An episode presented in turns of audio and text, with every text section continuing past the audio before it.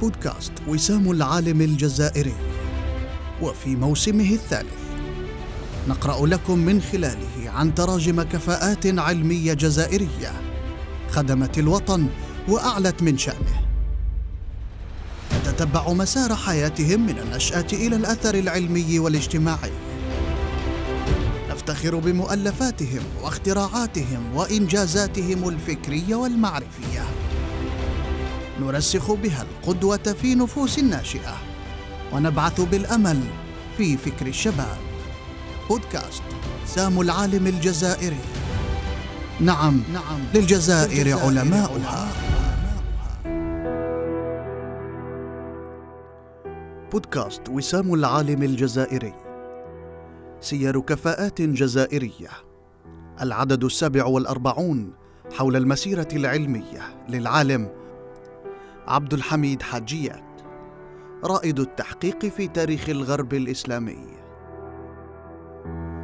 ولد العالم الجزائري عبد الحميد حاجيات في العشرين من أكتوبر عام 1929 بمدينة بني زيان بتلمسان من عائلة ذات أصول أندلسية من منطقة بسطة. نزحت من الأندلس بعد سقوط الحواضر الأندلسية بيد النصارى. وعرفت العائلة في الأوساط التلمسانية باسم حجي. قبل أن تصدر السلطات الاستعمارية قرار التلقيب في الثالث والعشرين من مارس عام 1882 فأصبح اسم العائلة حجيات. هاجرت عائلة حجيات إلى اسطنبول عاصمة الخلافة العثمانية سنة 1910 وبقيت فيها لثلاث سنوات ثم انتقلت منها إلى دمشق.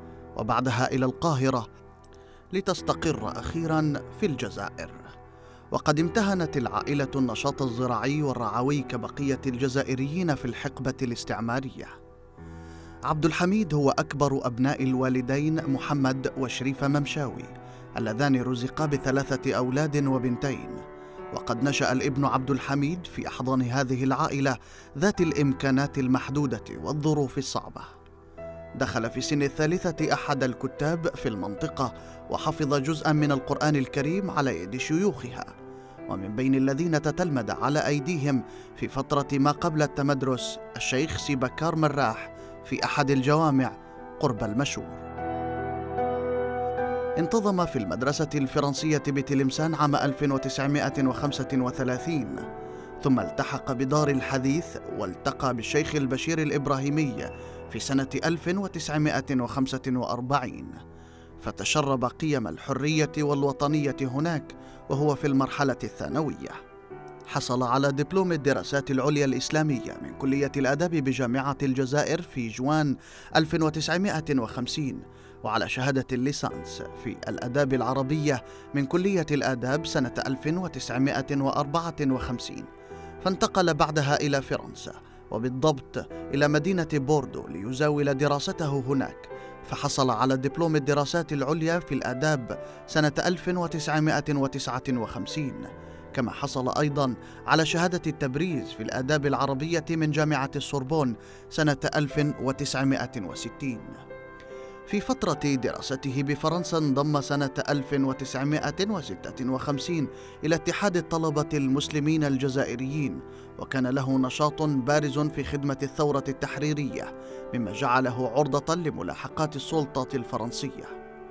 وبعد الاستقلال خاض تجربة قصيرة في الدار البيضاء المغربية عاد بعدها إلى الجزائر وعمل في الديوان الرئاسي مستشارا للرئيس أحمد بن بلة لفترة قصيرة لكنه تيقن أن المكان لا يناسبه فقد أحس أن مهمته هي البحث العلمي.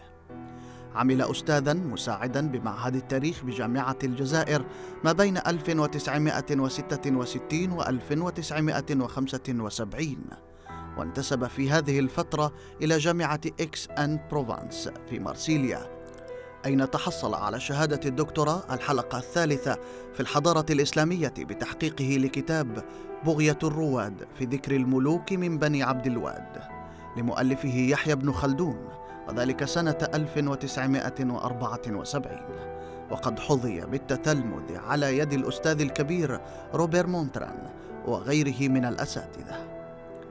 بعد حصوله على هذه الدرجة العلمية عين أستاذا مكلفا بالدروس بمعهد التاريخ نفسه في الفترة ما بين 1975 و 1986 ثم أستاذا مكلفا بالدروس بمعهد الثقافة الشعبية بجامعة تلمسان ما بين 1986 و 1992 هذا المعهد الذي ساهم في تأسيسه رفقة مجموعة من أساتذة تلمسان والذي أصبح بفروعه الأنثروبولوجيا والفنون واللهجات من أهم المعاهد في العلوم الإنسانية والاجتماعية بالجزائر حيث تخرجت منه العديد من الإطارات التي تؤطر الجامعات الجزائرية اليوم. وعين مديرا للمعهد للفترة ما بين 1986 و 1989 حصل الباحث عبد الحميد حجيات على الدكتوراه دولة في التاريخ الإسلامي من جامعة إكس أون بروفانس عام 1991 في موضوع تاريخ المغرب الأوسط في عهد السلطان أبي حمو موسى الثاني.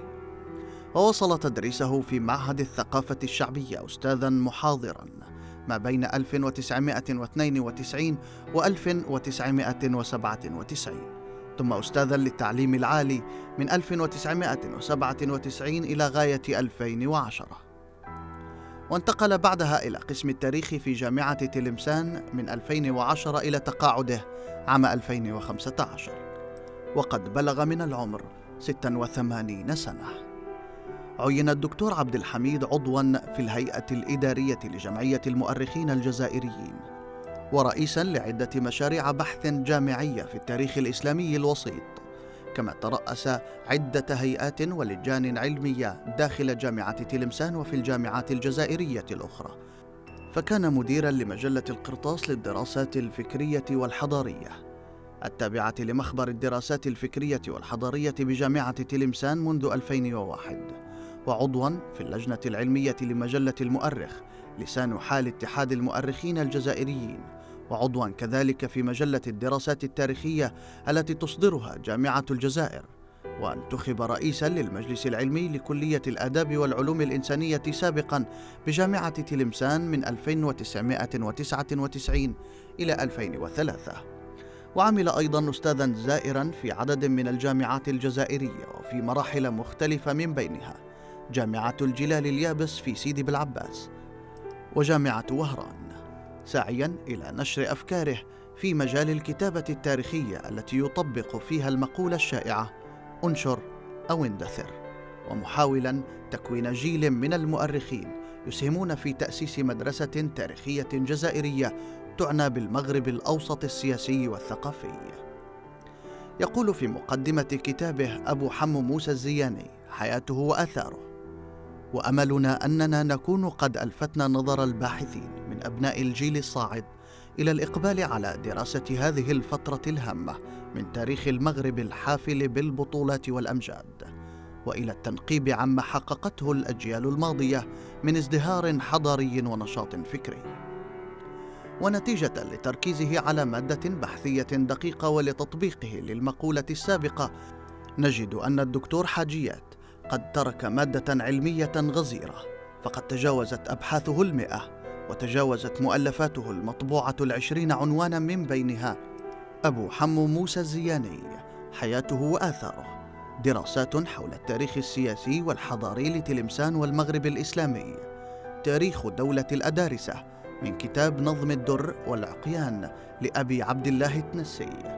أخبار المهدي بن تومرت لأبي بكر الصنهاجي. وغيرها من المؤلفات والتحقيقات التي أنجزها. كما شارك في العديد من الملتقيات والمحاضرات وأشرف على العديد من رسائل الماجستير والدكتوراه داخل الوطن وخارجه. والكثير ممن أشرف عليهم يعتبرون اليوم مراجع علمية في تخصصاتهم. ونظير جهوده وإسهاماته العلمية. حصل على شهادات تقديرية من عدة جامعات جزائرية وأجنبية لمساهماته في إنجاح الندوات والملتقيات والمشاركة فيها. كما كرم مرات عديدة من قبل بعض الوزارات كوزارة الشؤون الدينية والأوقاف ووزارة الثقافة وكذا من قبل بعض رؤساء الجامعات تقديرا لخدماته العلمية الجليلة. بقي الأستاذ عبد الحميد حاجيات من الباحثين المهتمين بتاريخ الغرب الإسلامي حتى غدا مرجعا فيه ورائدا لمن يتوخى اقتفاء الأثر بعده.